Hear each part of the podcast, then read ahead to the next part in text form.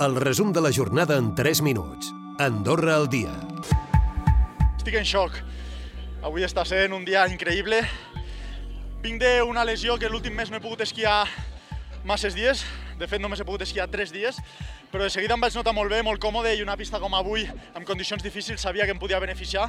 Paraules de Joan Verdú, que ha aconseguit el primer podi a la Copa del Món a la història de l'esquí alpí andorrà. Ha estat tercer en el gegant de Val d'Isère i ocupa la mateixa plaça a la general de la Copa del Món. Sortint amb el dorsal 19 ha marcat el cinquè millor temps a la primera mànega, quedant a un segon i 26 centèsimes de la millor marca càrrec de Marco Odermatt. Ha acabat ocupant la tercera plaça a un segon i 32 centèsimes del vencedor, al suís. Amb aquest resultat, Verdú ocupa també la tercera plaça a la general de la Copa del Món amb 60 punts. Per altra banda, no hi haurà dimissions al govern, com demanaven els assistents en la manifestació a favor d'un habitatge digne. El portaveu del govern s'ha mostrat ferm i ha insistit en les accions que s'estan portant a terme per buscar solucions al problema a curt i a llarg termini. Escoltem Guillem Casal, portaveu del govern.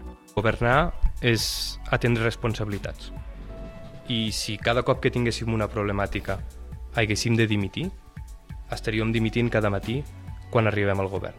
Perquè governar és enfrontar-se als problemes i trobar-hi solucions. I la protesta no ha deixat indiferent als representants polítics. Els socialdemòcrates insisteixen que fa temps que denuncien les dificultats que pateix la ciutadania envers l'habitatge. En la mateixa línia, Concòrdia aposta per solucions ràpides, com ara posar al mercat pisos buits, mentre que des de demòcrates entenen el neguit de la ciutadania, però recorden les mesures que s'han pres i que es volen tirar endavant per millorar la situació. Tots han destacat que la població ha perdut la por a sortir al carrer.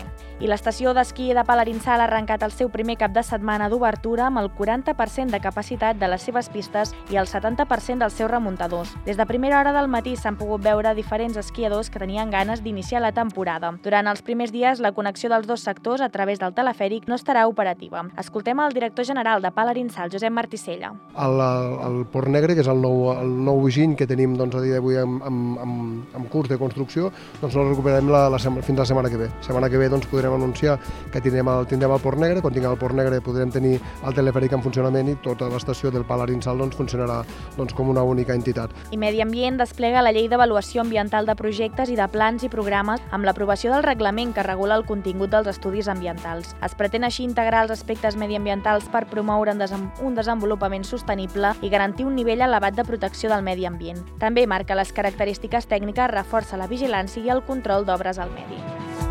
Recupera el resum de la jornada cada dia a AndorraDifusió.d i a les plataformes de podcast.